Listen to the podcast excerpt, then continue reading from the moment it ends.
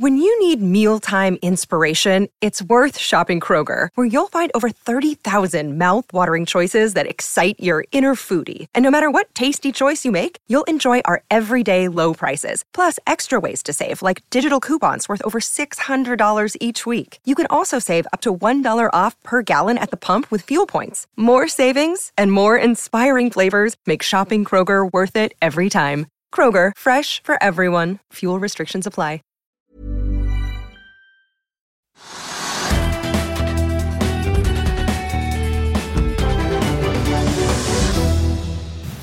Velkommen til Økonominyhetene. Det er blitt fredag 12. mai. Lille norske Lytix Biofarma løper om kapp med et kobbel farmasiselskaper som vil utvikle en universell kreftvaksine. Og vi har med oss administrerende direktør i selskapet, Øystein Rekdal. Teknologiselskapet Cyvis la fram kvartalstall fredag morgen. Selskapet vokser så det knaker. Og vi har med oss administrerende direktør Espen Gylvik og finansdirektør Marius Skagen litt senere i sendingen. Og hvis du henger med, skal du også få en liten offroad-smakebit fra helgens motor. Men aller først litt om det som skjer på eh, Oslo Børs. og Vi kan ta med oljeprisen. Den er litt ned, og hovedindeksen den er opp 0,7% til 1209,34. Men eh, det viktigste som skjer på Oslo Børs, er det? Ja, Hva som er viktigst, det er jeg ikke helt sikker på. Men jeg la jo merke til i dag at Norwegian da kom med tall. Og de meldte at de tapte 1 milliard kroner i første kvartal. Det er ganske mye. Og så er det de vanlige forklaringene med at det er sommertrafikken som er god, og vintertrafikken som er dårlig, og det er frem og tilbake. Og de øker fly, altså antall fly ganske kraftig. De har kommet opp i en flåte på over 70 fly, skal opp i 81 fly. Det er veldig godt gjort. Det har gått veldig raskt, og da skjønner man kanskje hvorfor flyr gikk konkurs. Ikke mer enn et par år siden de starta med 6-7, var det Nei, det, nei, og det at flyr kom på banen, det var liksom bare usikkerhet. Men det at de har så god dekning og så mange fly, og de som kom, var kanskje en av årsakene av mange årsaker til at flyet gikk over ende. Da. Og da falt også kursen. Det falt 5% eller har nå tatt seg litt, opp, men altså Norwegian-kursen falt da 3-4-5% Det syns jeg med rette er bra. At 1 milliard underskudd er 1 milliard underskudd. og Det kan jeg godt tenke at de tar det igjen i løpet av et par kvartaler. Og det ser bra ut. og De sier, at nå kommer kjempebusinessen, den kommer i sommer. Men likevel så syns jeg helt naturlig at de fikk en korreksjon i aksjekursen. Geir Karlsen han eh, nevner nettopp bookingsituasjonen og at prisene er 25% høyere enn i fjor på samme tid. Og mener analytikerne som tror at det blir 1,1 milliard på året, må begynne å regne litt eh, på nytt. Ja, altså, det, jeg syns det er bedre at analytikerne er litt, litt kritiske og, og ser, litt negativt, altså, negativt på tallene. Fordi det, det er litt for lettvint å bare si at alt går bra og, så videre, og at, og at liksom, gilden bedrer seg. Men det er også et faktum at de som har reist litt i det siste, har sett at prisen har gått ganske kraftig opp. Så Jeg var selv i Frankrike for en, en uke siden, sånn, og da var Man trodde kanskje at det ville koste 2000-3000 kroner, så kostet det plutselig 6000 kroner hvis du skulle få den flighten du skulle ha. Prisene i Norge og i Europa, og i, også i USA, er kraftig opp. Og Det har også slått ut i aksjekursen i, i reiselivet reiselivsselskaper og flyselskaper. Så at prisen er oppe, og det skal også være bra for Norwegian. Jeg tipper at de kommer til å gjøre det ganske bra, men starten på året var ikke så god. Og når noen taper en milliard, så sier jeg fra. Nei, det, så da sier man ganske kraftig fra. Mm. Gjelden økte litt, men øh, den er ikke på mer enn fire milliarder? Nei, altså det regnestykket har jeg ikke sett på, da, men de, de skryter jo av at de har fem milliarder cash. Ja, Den har vel åtte, over nesten ni milliarder nå, sier han. Ja, okay. Det er klart Mye av dette er jo innskudd fra kundene. Altså Hvis de tar med det som da kundene betaler når de bestiller billetten, så er ok, det er en kortsiktig gjeld. da. Og det er en gjeld, men ja, altså, jeg syns ikke det er så veldig Det er ikke så veldig bra at selskapene begynner å skryte av hvor mye penger de har i kassa. Altså, enten har du den likviditeten du trenger, så har du det ikke. Om du har 5 milliarder eller 6 milliarder, det spiller ikke så stor rolle for meg. Da bør de kanskje betale ned på gjelden, hvis det er mulig å gjøre det. Men, men, men, men jeg håper å si andre ting. Altså, vi har jo et annet selskap som ingen har nevnt noen steder i noen medier. Det er Softbank. Ja. De var store eiere i Kahoot, men er eh, borte derfra. De var i Kahoot, og så var de dette lagerselskapet. Jeg vet ikke om det er ute der, jeg. Det norske lagerselskapet var ikke der I Autostore, ja. ja. Var ikke der også? Jo, og stor der òg. Jeg vet ikke om det er solgt, men poenget er iallfall at de, de, altså Softbank klarte da, det er et investeringsselskap, investeringsfond, og de klarte da å drive kursene ganske kraftig opp i Kahoot og i, da, i, i, i lagerselskapet. Og nå kom da tallene i går for da første kvartal. Hvor mye hadde de tapt? Uh, ja, det, det tallet ikke i hodet. 340 milliarder kroner ja. i første kvartal. Og da er det sikkert mer i annet og tredje kvartal, for da skal de på en måte ta, uh, gå gjennom alle posisjonene sine. Alle revisjonene skal gjøre leksa si før de liksom blir tatt med buksa ned, og før de blir arrestert, holdt jeg på å si. For å trekke det litt langt. Men nå skal liksom tallbehandlingen til, og, og, alle vil være veldig kritiske og regne på det. og Da må de ta nedskriving på masse av sine investeringer. Ja, i, ja, i nedskriving på aksjer, avskriving, nedskriving på lån osv Slik At, at det selskapet da kan tape så mye som 340 milliarder på et kvartal, det er helt utrolig. og Der blir det, vil det bli store problemer. og Hvis de hadde hatt Kahoot-aksjer fortsatt, så hadde de måttet selge dem. Og, og om de har da i Autostore, er jeg faktisk ikke helt sikker på, men hvis de har der, så kommer de sikkert til å selge det også. Ja, det er, jeg har ikke oppdatert på, um, på Autostore. Softbank de uh, har også sovet litt i timen. Snakker du forresten mye med ChatGPT, uh, Trygve? Nei, men noen andre gjør det. Vi testet, testet. Softbank kanskje burde snakke litt mer, for de har nesten, det virker som at de har glemt helt kunstig intelligens. Ja, Det vet jeg ikke, det kan jeg ikke si nå, men det er i hvert fall et tema her på huset. Finansavisen har testet litt og testet noen tekster, og vi er veldig fornøyd med det vi testet. Så det ser veldig spennende ut. da. Så det er men du, du, bruker ikke mye tid. Roger Berntsen i eh, Nordnett han bruker fire timer hver dag. så i ja, Jeg håper han overdriver. Det var Finansavisen coverstore i dag, at han da bruker fire timer hver dag. Han er smart, han følger veldig med hva som, på hva som skjer. Han mener da det at uh, han kan få skrevet ut av morgenrapporten sin til kundene automatisk hver dag, nesten uten å tenke selv. Det, og han kan sove en, time, en halvtime lenger hver ja, dag òg? Og foran til det så er det, foran til det, så er det ganske godt gjort. Ja. Men det er en annen ting jeg også tenkte å nevne, og det er det at et selskap som jeg kanskje ikke snakker så mye om, jeg kanskje ikke skal si så mye om heller, men det er da Havila kystruten. Ja, Vi må nesten nevne det, for at aksjen er opp 10 nå. Er, ja, men, ja, vi går litt ett døgn tilbake, så var det altså taperen det var ned 20 i går. Nesten 20% 17-18 i går. Og så har det vært opp 10 i dag. Og det er jo på en måte litt skummelt, for man kan jo ikke liksom være en aksje som da svinger så mye, så volatilt. Og Det betyr at liksom, man vet ikke helt om de har kommet i gang. De skulle ha fire båter som gikk i kysten i konkurranse med Hurtigruten, og de har bare fått ett eller to skip i gang. Og de holdt på med reforhandling av lånene sine. De skal ha 4 milliarder eh, lån til markedet. Det er ganske mye for et lite selskap som har en market cap på kanskje en halv milliard eller noe sånt. Så er det da å gå ut i markedet og forvente at det skal finnes långivere i dagens marked med høyere renter og vanskelig å få, få obligasjonslån, at de da skal refinansiere da 4 milliarder kroner, som er av en eller annen grunn er stoppet opp i forbindelse med at disse, disse lånene i sin tid var da ordnet opp i Russland ved et russisk uh, finansieringsselskap. Så, det, så det er ganske skummelt. Da bør man holde seg unna. Så reis gjerne med båten på skipene, men hold seg unna aksjene, for det ser altfor skummelt ut. Kan du ta med da, For de som ikke vet det, så er Havila Kystruten er en konkurrent til Hurtigruten som du er styreleder i. Ja. Derfor sier jeg bare reis med det. Men eh, Vi var kanskje ferdige med, med Norwegian, og du nevnte Softbank. Eh, DNO var taper i går og en vinner i dag. Ja, og det er en veldig god forklaring. Jeg føler ikke det noe så nøye, men det er en veldig enkel, enkel og god forklaring. og Det er det at, at det meldes da at uh, DNO kan da eksportere olje fra da sine nord, altså i, i, i nord, nord Irak. Kurdistan, ja. ja Kurdistan i Nord-Irak. De, de, har fått lov til å eksportere til Tyrkia. Det har de vært forhindret for i lang tid, og det har hindret eksporten nå mener jeg at eksporten vil ta så kraftig opp, kanskje en halv million fat hver dag. eller hva det måtte være. Og det er klart at Hvis det er riktig at de har, har vært stengt helt ned når det gjelder eksporten fra da, Kurdistan til Tyrkia, så åpner man det helt opp nå. Hvis det er tilfellet, så vil jo det da gi en voldsom vekst i eksporten, og da i antall fat olje de selger, og de vil tjene mer penger. Og da har kursen vært opp 5% ikke mer heller, da. Mm. Nei, 4,9 Så det, Med så positiv melding så burde kursen gå litt grann også. Før vi går videre, så vil jeg bare minne om at hvis du ikke rekker å se denne sendingen, så kan du også høre den ved å søke opp Økonominyhetene på Spotify, på Apple og på finansavisen.no slash podcast. Vi kan også ta med at eh, Grieg Seafood la fram litt sterkere kvartalstall enn det som var venta, og aksjen stiger da litt på det. Veidekke den fortsetter litt ned etter at eh, selskapet meldte i går at de måtte ta et tap på 110 millioner på en konflikt de hadde med Statens vegvesen på en veistrekning utenfor for eh, Bergen. Og, og, og, i tillegg så er det de, tidligere la merke til at det var en diskusjon om marginene. De sier at de skal klare fem, en margin på 5% Det er fint hvis de får til, men de får det aldri til. Analytikerne er litt skeptiske? Ja, så De ligger på 2 og 3 og de må bevise først. og Da blir markedet litt irritert. Altså Hvis noen sier at vi er gode nok til å klare liksom en margin på 5% innen entreprenørbransjen eller anleggsbransjen, og du ikke leverer det på flere år, så blir markedet analytikerne litt sure, og så vender de seg vekk fra aksjen. og Det er det som skjer nå. Ja, og, og Selv om de da hadde det tapet på 110 millioner på den herre ja, den, en kontrakt ja, Så tapte de likevel eh, sånn 30-40 millioner i kvartalet. slik at Totalt satt så var det et underskudd på 140-150 ja, millioner. Så, så, det var dårlige resultater, og de bløffet litt med marginene sine. og det Markedet liker ikke det.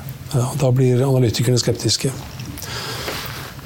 Biogasselskapet Refuels eh, det er en av aksjene som stiger på første noteringsdag i dag. og Det kan dere lære mer om ved å klikke dere inn på TV-sidene vår og se Børsmorgen i går. Eh, Philip Fjell var dagens gjest i går. Cyvis stiger også etter å ha doblet inntektene i første kvartal, og vi har med oss sjefen i selskapet litt senere i sendingen. Sesamhelt er også et av de selskapene som stiger på kvartalstall, og alt om kvartalssesongen finner du mer om på finansavisen.no. Ja, Vi har vel nevnt det meste da, Trygve? har vi ikke det? Jo, altså, du var inne på til å begynne med oljeprisen. Vi snakket om den i går. Altså, ingen vet hvor den går, og ingen kan si hvordan den kommer til å bli. Det er for vanskelig. og det sier De mest proffe i markedet sier at det der tør vi ikke si noe om. og Vi snakket om at prisen i går lå mellom 75 og 77 dollar per fat. Eh, og I dag så er den så er faktisk ned på, litt på 74-tallet igjen. Så det, det, er ganske viktig, eh, altså Oljeprisen er jo viktig da for de store oljeselskapene, enten det er Equinor eller Aker BP, og andre selskaper som driver innen samme sektor. Eh, så Det er veldig spennende hvilken vei det tar. da. Og det er Noen som er liksom veldig optimistiske, de skal oljeprisen kraftig opp. Og så er det noen som sier at det kan bli en resesjon i USA etter tallene der. Og det ser litt skummelt ut at veksten er så lav i Kina osv. Så, så vi får en resesjon i Europa, særlig hvis rentene går ytterligere opp. At, og da blir behovet for olje mindre, da, både til husholdningene og til industrien. Så det er to liksom, motstridende retninger akkurat nå. Det er liksom, liksom veldig optimistiske, og de som er sånn pessimistiske. Og da sier jeg det at det har jeg ikke peiling på. Den ligger på midten av 70-tallet, og der tipper jeg det kommer til å ligge en stund. Regjeringen har sikkert ikke heller peiling på de, men de har i hvert fall truffet nå de har 75 dollar for 2023, og den ligger der akkurat, akkurat, akkurat der nå. Da de holdt på med korrekturen på å skrive av revidert budsjett, så tok, tok de den siste prisen de så, tipper jeg. Den siste prisen er like god som den langt frem i tid, eller hva det måtte være. Etter en kort pause så er vi tilbake med administrerende direktør i Lytix Biofarma, Øystein Rekdal. Vil du bli oppdatert på det viktigste som har skjedd innen finans og næringsliv? Da er det bare å følge med, for hver morgen er jeg, Marius Lorentzen og aksjekommentator Karl Johan Malnes på plass i studio for å ta tempen på dagens marked i Børsmorgen. Og hver ettermiddag oppsummerer vi alt du trenger å vite i økonominyhetene, og det blir selvfølgelig masse interessante gjester.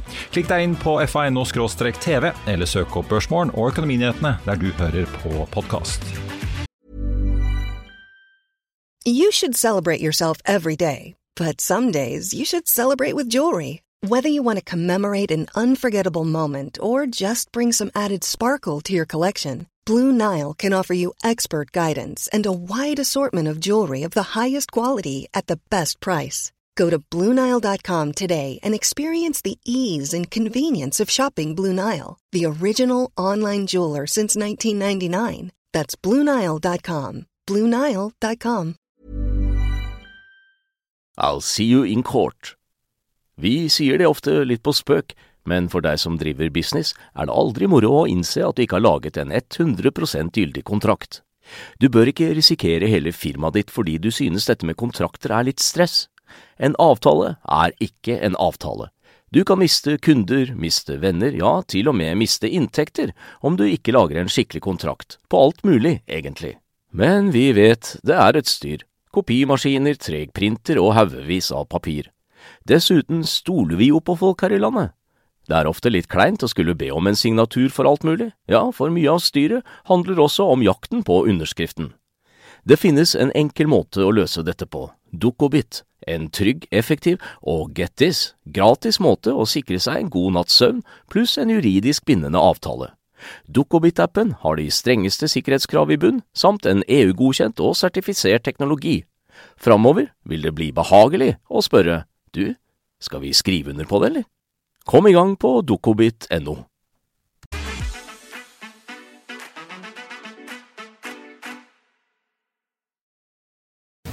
Ja, da har vi med oss administrerende direktør i Lytix Biofarma, Øystein Rekdal. Velkommen. Takk skal du ha. Dere er et av mange ja, små og mellomstore selskaper som forsker tungt på kreftvaksine. Ja. Hvor langt er dere kommet? Altså, vi er eh, nå i fase to. Vi, man kan kalle det en vaksine. Det som skiller oss fra de fleste andre kreftvaksiner, er at vi har en unik løsning på dette problemet at det finnes veldig mange kreftcellevarianter i én svulst. Og vår teknologi, den, de molekylene har evne til å både drepe kreftceller og aktivere immunsystemet og aktivere en bred immunrespons. Og de, de, dataene vi har så langt, de har uh, gjort at vi nå får ganske stor internasjonal oppmerksomhet og inviteres på internasjonale konferanser nå i forrige uke på New York Academy of Science. Og vi er jo veldig fornøyde med at uh, våre data har overbevist noen av de fremste kreftforskerne om at vi har kanskje en løsning på dette. Den største utfordringen i dag, og det er at Det er veldig mange ulike kreftcellevarianter i en svulst. Hvordan skal du eliminere hele kreftsvulsten med alle de variantene? Ja, dere sier at, eh, at dere har en, en løsning som dreper kreftcellene. Ja. Det er mange løsninger og mange behandlingsformer som ja, som tilsynelatende i hvert fall gir en positiv respons i starten, og så plutselig så blusser det opp igjen et eller annet sted. Helt riktig. Og det er det dilemmaet at du har alle disse variantene, og noen av disse kreftcellevariantene i kreftsvulsten de er motstandsdyktige mot kjemoterapi eller cellegift. Vi har testet veldig mange ulike motstandsdyktige kreftceller og viser at vi dreper de til og med de som er multiresistente, altså resistente mot mange ulike kjemoterapi. Så vi har en annen tilnærming, at vi kan drepe alle og aktivere immunsystemet til å angripe med bred front alle disse ulike kreftcellevariantene. Det skiller oss. Ja. Men som, som vi er inne på, så er det jo ofte at man ser for tilbakefall. Hvor sikre kan dere være på at dette her er noe som varer? For det første så er immunterapi, eh, som da Jim Allison innførte nå, moderne immunterapi, har vist at du har snudd den mest dødelige kreftsykdommen, føflekkreft, til å bli den som man har størst overlevelsesevne, nesten, med, med immunterapi. Og det man også ser, at disse pasientene de lever veldig lenge. Altså man kurerer de veldig mye lengre, og mange har, er egentlig fri over tid. Og Det skiller immunterapi fra tradisjonell kjemoterapi. Som du sier, der får du ofte tilbakefall. Men der får du en slags hukommelse i immunsystemet som, som på en måte da er på vakt over ny utvikling av kreftsykdommen. Du, du sier at eh, dere var invitert til en eh, sånn spesiell konferanse i New York. Ja. Hva var det for noe? Nei, det er da New York Academy of Science, som har, er, består av 20 000 medlemmer av de ledende uh, toppene i akademia og industri. Og der har mange nobelprisvinnere vært og forelest. Og vi var så heldige å bli invitert der og forelese og introdusere vår teknologi og der var bl.a. også nobelprisvinneren og fortalte om sin, sin, forskning. Jeg kan ikke noe om det, det Temaet kan jeg kanskje litt om, men ikke om selskapet i hvert fall. Nei. men er det noe som er utspring i Radiumhospitalet, eller er det Dette er litt, eh, et litt annet utspring. Det er fra verdens mest, eller nordligste universitet, Tromsø. Okay. Så det er litt sånn outsider i forhold til alle de andre selskapene. Ja. Det er din baby, er det ikke det? Det er min baby. Ja. Jeg har forsket på den. Du holdt på med det her i 30 år? Ja, jeg har holdt på med det i 30 år. I, i Tromsø? Nei, ti år i Tromsø. Eh, så stiftet vi et selskap. Eh, et, var der en stund, men så må, trengte vi kompetanse, og da flyttet vi til Oslo. Og har jobbet sammen med miljøet her på, i Oslo Cancer Cluster, hvor vi har eh, hatt labber de andre Oslo-selskapene Altså, vi kjenner jo godt de andre selskapene og heier på hverandre. Men slik, slik, Når man ikke kan temaet godt nok, ja. og ikke kan selskapene godt nok, ja. så er det da, slik jeg oppfatter det normalt, så er det den type selskaper som driver forskning og skal ha nye kreftformer eller andre medisiner, hva det måtte være, og så er det masse forhåpninger, og så får man litt til, og så er det liksom noen gode resultater, og så har man et selskap hvor kursen går kraftig opp, og så plutselig må man melde at det gikk så bra likevel, eller nye tester virket ikke, eller det var liksom må ta en ny, ny, ny måte å gjøre det på, og så, så faller den løpende driften hele tiden. Det er helt riktig. Og, og, det jeg tror som er det store value inflection point, det er jo når du har kommet gjennom fase to, hvor du har vist solide kliniske data. Og det er jo der vi er nå, hvor vi jobber med noen av de fremste sykehusene i USA og i Europa. Hvor vi tester i, i en type kreft som har feilet på annen terapi. Og hvis vi kan vise vi kan gjøre noe der, så har vi dokumentert at vi har noe som kan gjøre noe der ikke annen terapi virker. Så det er vårt fokus nå. Du har helt rett. Fram dit så er det opp og ned. Har du fase 2-data, så kan du begynne å snakke med de store aktørene. for det er de som må ta det helt fram til markedet. Vil de da kjøpe selskapet ditt i dag, eller? Det kan bli samarbeid, det kan bli lisensiering ut av teknologien, eller så er de interessert av molekylet, eller så kan det være interesse for hele plattformen. For vi har jo flere molekyler for, mot ulike kreftformer, og dette har jo et potensial mot mange ulike kreftformer. Og, jeg tror det, og det er vanskelig for norske investorer å forholde seg til så kompleks teknologi og biotek. Så jeg tror det at eh, det vi opplever, da, det at vi får såpass anerkjennelse av internasjonale topper som har utvikla den moderne immunterapi og ser at det mangler noe fortsatt, Lytix har noe som kan komplementere og brukes i kombinasjon med dagens terapi. Det er det jeg tenker kanskje er et viktig signal til investorene. Forstå at det er ikke bare vi som hauser opp dette. Dette er et problem som som vi kan være med å løse, og det anerkjennes av de fremste forskerne i verden. Hvor mange investorer er det i selskapet ditt? Nå er det jo øh, økt siste uka med en del nye aksjonærer, så vi er vel oppe i 800 aksjonærer. Og verdien av selskapet er omtrent 387 millioner kroner. kroner. ja, det går jo dollar og euro. Ja, det, er ikke, det er ikke så veldig mye, men det er, Nei, det er lite grann i hvert fall. Det er, Veldig mye, det er ikke, nei, det er ikke veldig mye.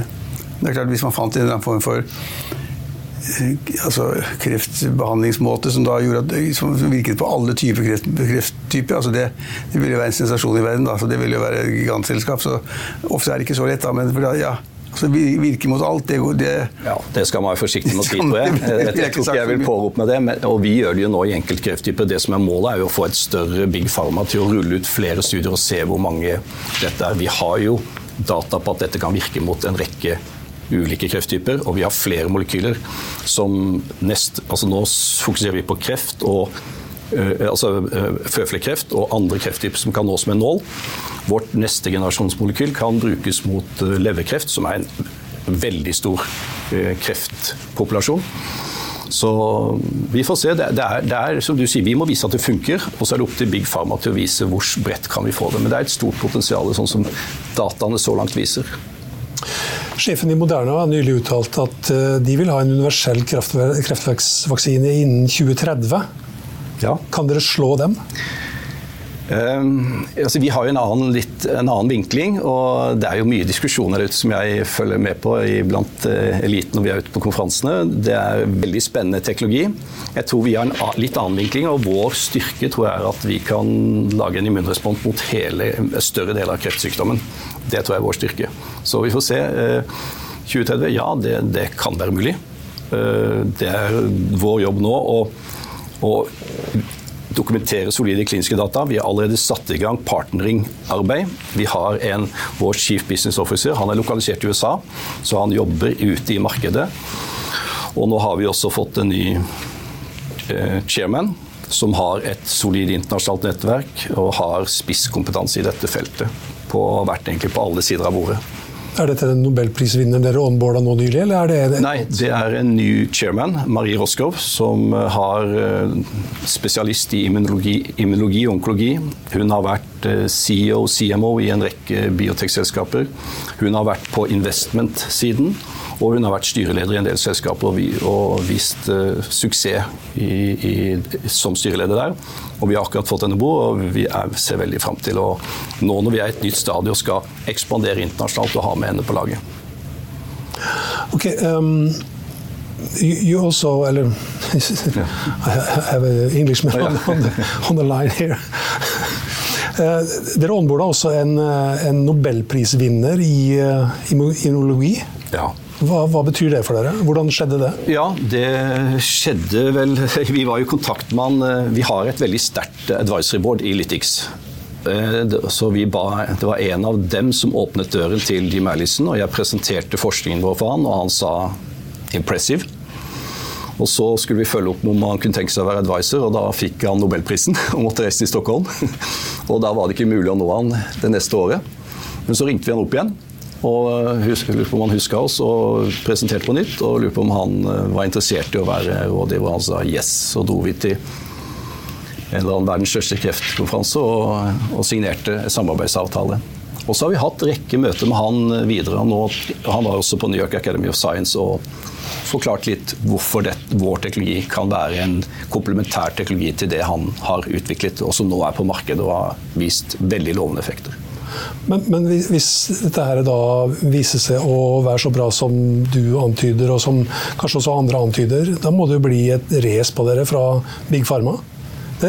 Ja, men du vet, du vet når moderne immunterapi nå slo til, og det var jo fantastiske data Plutselig ble føflekkreft fra å være den mest dødelige til å være den mest lov, eh, der man faktisk hadde håp. Så skulle alle selskaper kombinere med sine teknologier. Og da kom høsten. Og masse som feila. Jim Allison og en rekke andre har påpekt det er ett hovedproblem i, i dagens kreftbehandling, og det er nettopp det jeg innleder med, at kreftsvulsten er ikke én kreftcelletype. Det er muterer over tid, og så blir det masse varianter. Og det er det vi har løsningen på. Og det er der jeg tror vi kan skille oss ut. Og jeg, så langt så tror jeg vi er først in class og fremst i det. Så, og det får vi nå signaler på fra eliten. Nå har jeg vært invitert fire ganger på internasjonal konferanse bare siste, altså siden i jul. Så vi begynner å få gode Nei, det, er ingen, det er ikke noen som sitter på første rad og rister på hodet, altså? Nei, det er nok ikke det. De, det var ikke mange som rista på hodet der uh, i New York Academy of Science. Det, vi, vi, fikk mange gode tilbakemeldinger av andre toppforskere i, i, i, USA, og også litt interesse fra industri. Men, men som Trygve var inne på her, dette, koster, dette her koster mye penger. Ja.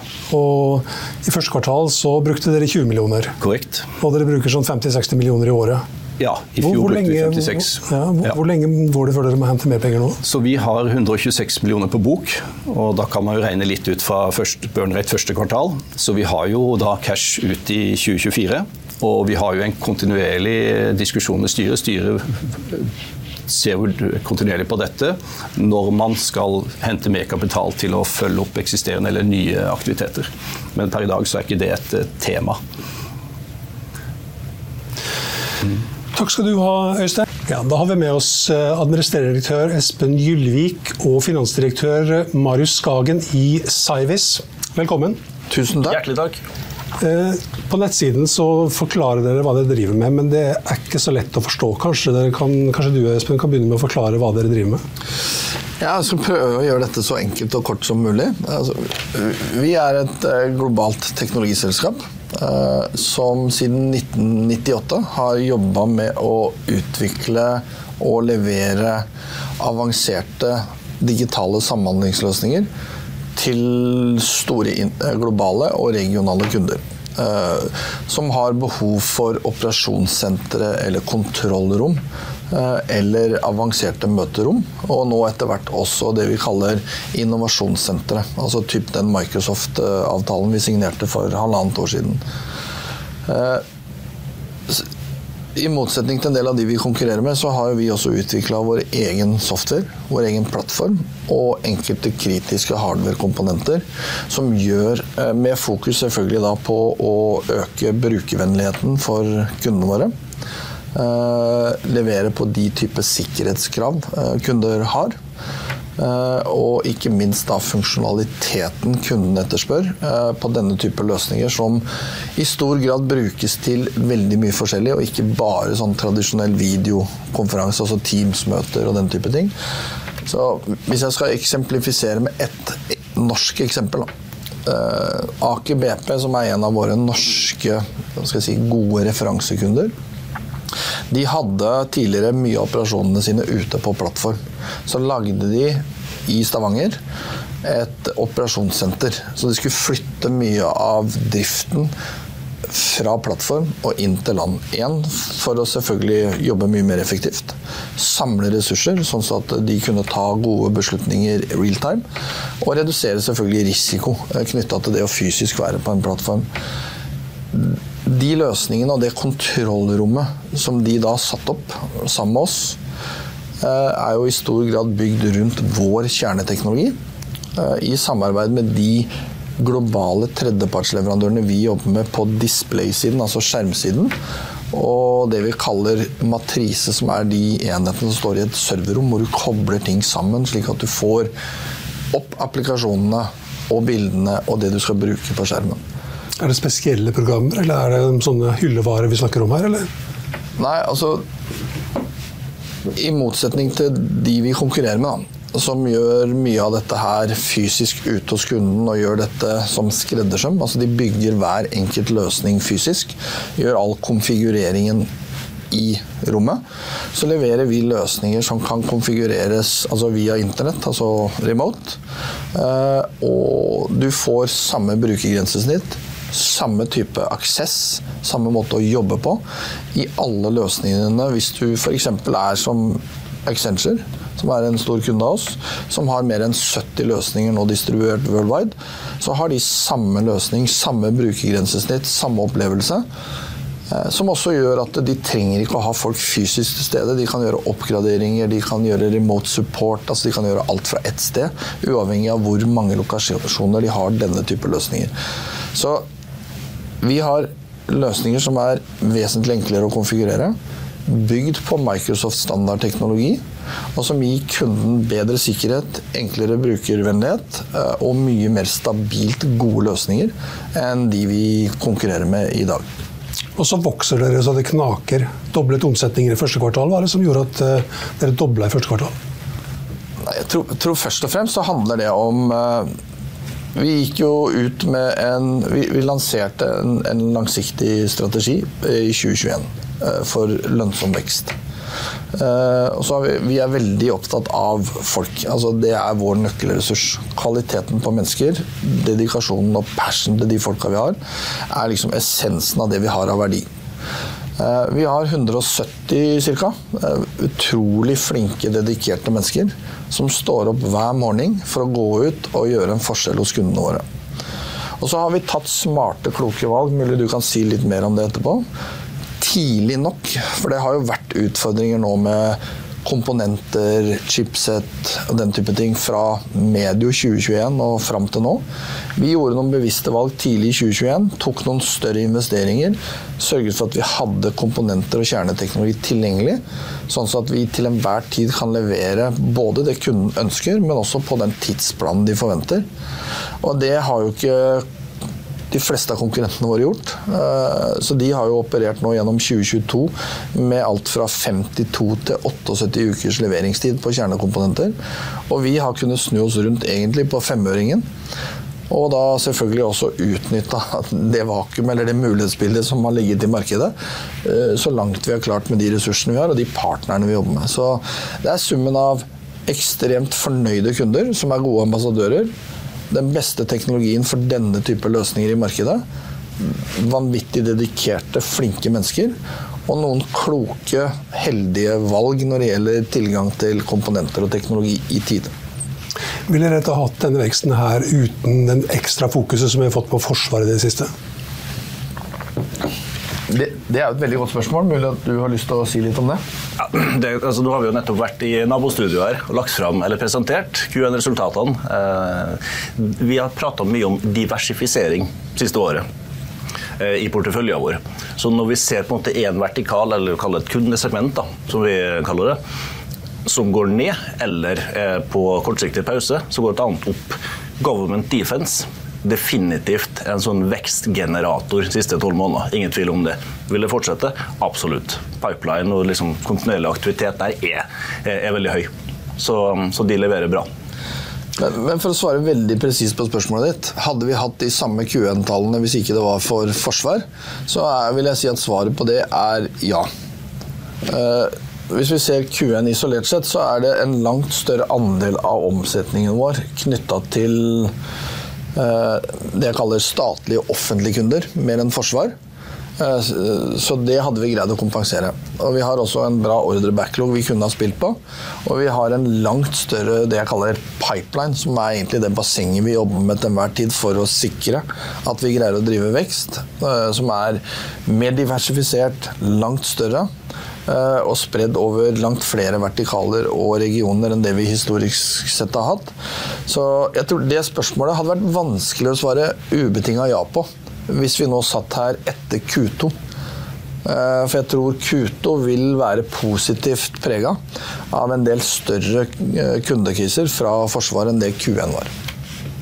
Hvis den veksten her fortsetter, så passerer den milliarden i år i omsetning?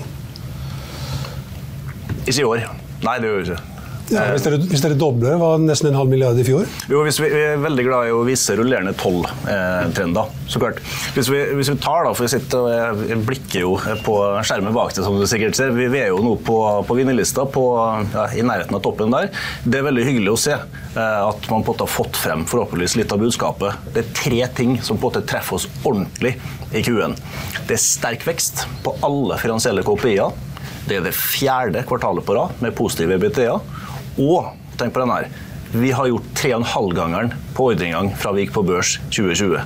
Det er et hyggelig tall å presentere. Det er pur fakta. Da viser vi at vi rullerer på 30 millioner eh, EBTA etter Q1. Men milliard i omsetning, nei, det guider vi ikke på. Vi guider på 30 vekst. Eh, er, bare sånn Isolert sett så er det jo ikke noe Vi har jo ikke definert det som noe målbilde. Altså, det høres jo 1 milliard høres jo altså litt, Det høres ut som et interessant tall generelt. Ja, En milliard kommer etter en halv milliard. Det er veldig ofte så gjør det det. Det er ikke gitt at det gjør det for alle sånn på privaten, men sånn, i hvert fall i business så er jo det et naturlig steg. Det vi er mest av alt opptatt av, er jo å fortsette å gjøre en god jobb også på teknologiutviklingen. Eh, vårt viktigste mål er jo å skape verdi for selskapet og for aksjonærene over tid. Eh, så om det er 700 millioner eller en milliard på et eller annet tidspunkt, eh, så begge, kan begge tall være veldig bra. Eh, det som i utgangspunktet kommer til å være mye av fokuset vårt nå på investeringer og fokus fremover, er jo knytta til plattformen vår, nye software-tjenester. Altså, det skiftet mot SAS og recurring som selskapet historisk sett ikke har hatt noen ting av, er ganske essensielt for oss for å bedre lønnsomheten. Skape en helt annen type forutsigbarhet i forhold til inntektsstrømmene våre. Men også styrke konkurransekraften vår, for vi ser at eh, mye av de nye tingene både dagens kunder og fremtidige kunder etterspør, er i stor grad knytta til kan vi hjelpe dem med å monitorere. Uh, mye av det som finnes, uh, ikke bare på vår teknologi, men all annen type sensor, IOT-devicer og alt de har. Eh, hvordan kan vi gi dem aksess til utvida tjenester remote, så de slipper å ha masse mennesker springende rundt? Eh, det er noe vi jobber med. Det er vel så viktig som liksom topplinjeveksten vår. At vi greier å fylle andelen av abonnementsbaserte inntekter vesentlig større over de neste par åra enn det vi historisk sett har hatt. For det kommer, det kommer til å påvirke marginene våre, EBITDA-en vår, profitten vår, og sannsynligvis også attraktiviteten sett fra et eksternt perspektiv til oss som et selskap. Eh, du, du sier at dere har eh, fokus på lønnsom vekst. Dere taper sånn 20 millioner i året sånn i snitt de siste årene, eh, og kanskje bare 10 millioner i år. Hvordan definerer dere lønnsom vekst? Hvis vi trekker, hvis vi, nå har vi ikke akkurat nattsending, så vi skal prøve å gjøre det litt uh, kort. Men vi, vi, hvis vi ser på 2021, da gjorde vi den ordentlige investeringa uh, med Espen og styret i spissen. Der ble det investert i operasjonelle og kommersielle kapabiliteter. Vi så en veldig god etterspørsel, en økende etterspørsel etter våre tjenester. Da tok vi den. Det medfører på kort sikt at du taper penger. Der vokser oppvekst mye kjappere da, kortsiktig enn topplinja og til, tilhørende gross profit. Så vi sa 2022, første året vi skal levere positiv EBTA. Det gjorde vi. 2023, fortsatt positiv EBTA, men fokus da på cash og cash conversion. Implisitt lønnsomvekst. Hvordan ser kontantsituasjonen ut nå? Kontantsituasjonen kortsiktig er jo, eh, har vi gått gjennom nå på kvartalspresentasjonen. Der blir vi truffet av en veldig høy operasjonell aktivitet, som gjør at payables går opp. Og så får vi veldig mye bookinger i kvartalet seigt. Da får vi ikke inn, eller vi får invoiced, men vi får ikke de pengene før i Q2, inneværende kvartal. Og da blir den, i en sånn prosjektbusiness som vi er, så blir kontantstrømmen da skeiv hvis du bare ekstrapolerer ett kvartal. Derfor også rullerende tolvmånederscene er vi ekstremt opptatt av å prate opp til enhver tid. Dette vil normalisere seg i Q2 og Q3. Og vi har jo en finansiell muskel i bånn som gjør at vi kan greie å håndtere den type svingninger, altså mellom kvartaler, i forhold til hva som kommer av nye kontrakter versus hva vi greier da å fakturere og få av cash inn til selskapet. Og Det er også noe av det når jeg nevnte det med fokuset på plattform og nye tjenester som er abonnementsbasert, er at du også får en helt annen cash- og kontantstrøm på den type tjenester enn du gjør på tradisjonelt prosjektsalg. Så det å finne den balansen er viktig også. Ikke bare for lønnsomheten, men også i forhold til forutsigbarhet på cash-siden. Og øke også cash-beholdningen for å kunne gjøre da gode strategiske investeringer både i egne mennesker, men også potensielt oppkjøp hvis det dukker opp interessante selskaper med interessant teknologi. Det kan være naturlig også å inkorporere i selskapet for å forsterke den vekstreisen vi er på. Vi må bruke noen minutter på kunstig intelligens. Hvor sentralt er det i løsningen deres? Eh, foreløpig ikke veldig. Eh, men det er definitivt et område som eh, selskapet, altså ikke alle som jobber der i dag, er involvert i, men en gruppe med teknologer og andre eh, bruker tid på. Og vi, er, det er ikke noe sånn at det er noe tvil om at riktig inkorporering av kunstig intelligens i våre løsninger. Da snakker vi først og fremst i forhold til plattformen, som er liksom essensen av det som driver løsningen og operativsystemet, som ofte er det som gir deg brukervennligheten i de rommene du øh, bygger. I forhold til automatisering av en del tjenester. Forbedring av funksjonalitet, selvfølgelig. Men også knytta til viktigheten av For det er jo et faktum nå at det er en blanding av å jobbe på kontor og det å jobbe andre steder. Om det er hjemme eller på et hotell eller på hytta eller på en strand eller hvor folk velger å være. Det tror vi har kommet for å bli. Eh, og så tror vi at, og det ser vi også i dialog med kunder, at selskapene må gjøre det mer attraktivt på kontorene for at folk skal komme oftere til kontor. Så det er en fordel for våre typer løsninger og den type investeringer. Men mye av det vi ser på, har begynt liksom å tegne og skissere i forhold til kunstig intelligens. da for våre løsninger, er jo også knytta til det å skape den følelsen av inkludering. Uh, uavhengig om du da sitter fysisk samla fire-fem mennesker i et rom, eller deltar utenfra. Så ja, det, det, er masse. Det kan være alt fra digitale assistenter som er kobla inn i løsningen, som sørger for at referater tas, distribueres ut til eh, forbedring av funksjonalitet, brukervennlighet, eh, mye mer rundt analytics, hente ut verdi og data av bruken av disse rommene og løsningene. Som igjen kan da brukes til å lage nye produkter og tjenester. Det er jo i de type områdene vi driver og ser på bruken av AI eller kunstig intelligens. Så jobber vi nå også med ulike workshoper hvor vi også henter inn i hvert fall det vi tror er spesialister på dette. her, Og også på kundesida, selvfølgelig. Vi er jo privilegert som har kunder som Microsoft og Accenture og andre som besitter en del kompetanse på dette og har definitivt ganske mye fokus på dette. Så vi kan jo få mye innspill også fra kundesida i forhold til hva de ønsker å betale for fremover, hvor dette her kan være med på å forsterke og forbedre leveransene våre. Men det er fortsatt tidlig. Eh, det er fortsatt mye hype rundt det. Eh, vi har ikke inkorporert veldig mye kunstig intelligens foreløpig inn i løsningene våre. Eh, men jeg er helt overbevist om at over de neste par åra så vil både kunder og markedet se en klar forbedring i løsningen og funksjonaliteten og brukervennligheten knytta til riktig bruk av kunstig intelligens. Tror du at dere har år, to til tre år på dere for å få det her inn i plattformen?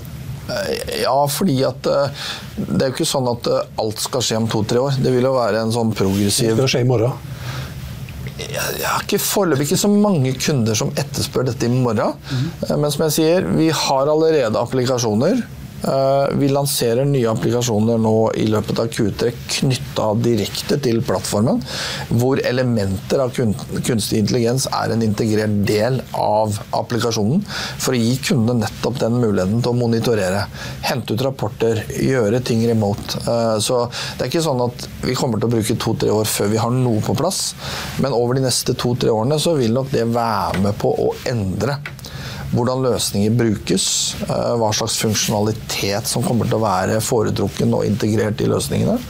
Men jeg tror fordi vi har den kundebasen vi har, vi har de type kvalitative produkter og tjenester i dag som kundene etterspør, og riktig bruk og riktig timing på de riktige tingene, så mener jeg at vi definitivt kommer til å være en frontrunner i vår industri om to-tre år. Eh, helt til slutt, Blir det overskudd i år? Og da tenker jeg overskudd, da definerer jeg det som resultat etter skatt. Det guider vi ikke på. Vi guider på mellomlang sikt 15-20 EBIT-DA. Eh, margin. Vi har som sagt levert noe Q1 der vi viser en rullerende trend på EBIT-DA som er 30 millioner etter Q1. Eh, da tenker jeg at analytikerne kan gjøre den jobben sjøl. Og takk skal dere ha for at dere kunne være med oss i Økonominyhetene. Veldig hyggelig å være Takk for at vi fikk komme. I Finansavisen i morgen kan du lese Trygve Egnars leder om Märtha Louise.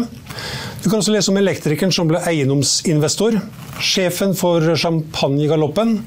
I lørdagsutgavene får du også makro, mat og vin, innsideporteføljen og ukens aksje og mye mer. Og selvfølgelig også ukens motor. Det var Økonominyhetene her på Finansavisen fredag 12. mai. Vi er tilbake igjen her med Børsmorgen mandag klokken 8.55. Da har vi med oss analytiker Hans Petter Jacobsen i Nordea Markets. I Økonominyhetene klokken 14.30 har vi med oss administrerende direktør Rolf Barmen i energiselskapet Elmera. Husk også at du får de siste nyhetene minutt for minutt på finansavisen.no. Mitt navn er Stein Ove Haugen. Riktig god helg, og tusen takk for at du så på og hørte på. Og håper du er med oss igjen på mandag også.